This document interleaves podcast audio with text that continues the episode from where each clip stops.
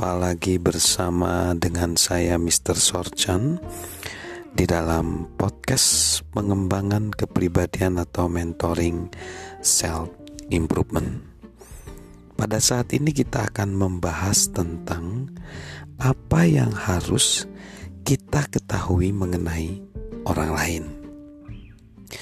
Hal yang mendasar adalah orang tidak akan peduli seberapa banyak kita tahu hingga mereka tahu seberapa, seberapa banyak kita peduli. Jika ingin sukses dan memberi pengaruh positif bagi dunia, kita membutuhkan kemampuan untuk memahami orang lain.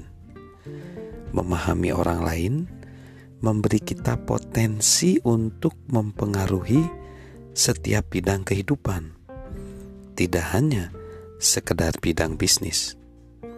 Misalnya, lihatlah bagaimana memahami orang lain membantu ibu dari anak pra sekolah ini dan dia mengatakan ketika itu saya bergegas keluar untuk membuang sampah. Saya meninggalkan anak laki-laki saya yang masih berusia enam tahun sendirian di dalam rumah. Ketika berusaha membuka pintu untuk masuk kembali ke dalam rumah, pintu itu ternyata terkunci.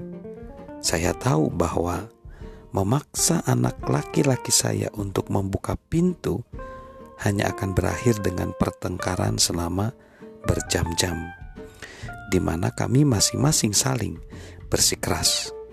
Jadi, dengan nada sedih saya berkata, Ya ampun, sayang sekali. Kamu baru saja mengunci dirimu sendiri dalam rumah. Pintu rumah itu pun segera ia buka. Jelaslah sudah bahwa memahami orang lain mempengaruhi kemampuan kita untuk berkomunikasi dengan orang lain. David Burns, seorang dokter dan profesor psikiatri di University of Pennsylvania mengamati kesalahan terbesar yang bisa kita lakukan ketika berusaha bicara dengan meyakinkan adalah terlalu keras berusaha untuk mengekspresikan pemikiran dan perasaan kita.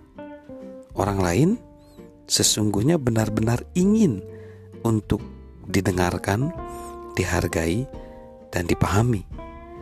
Ketika seorang melihat bahwa ia dipahami, ia menjadi lebih termotivasi untuk memahami pola pikir kita.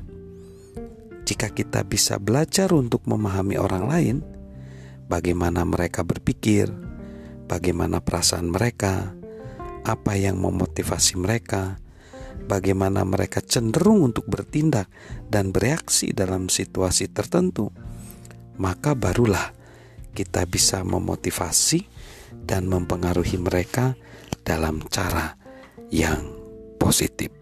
Salam good relationship dari saya, Mr. Sorjan.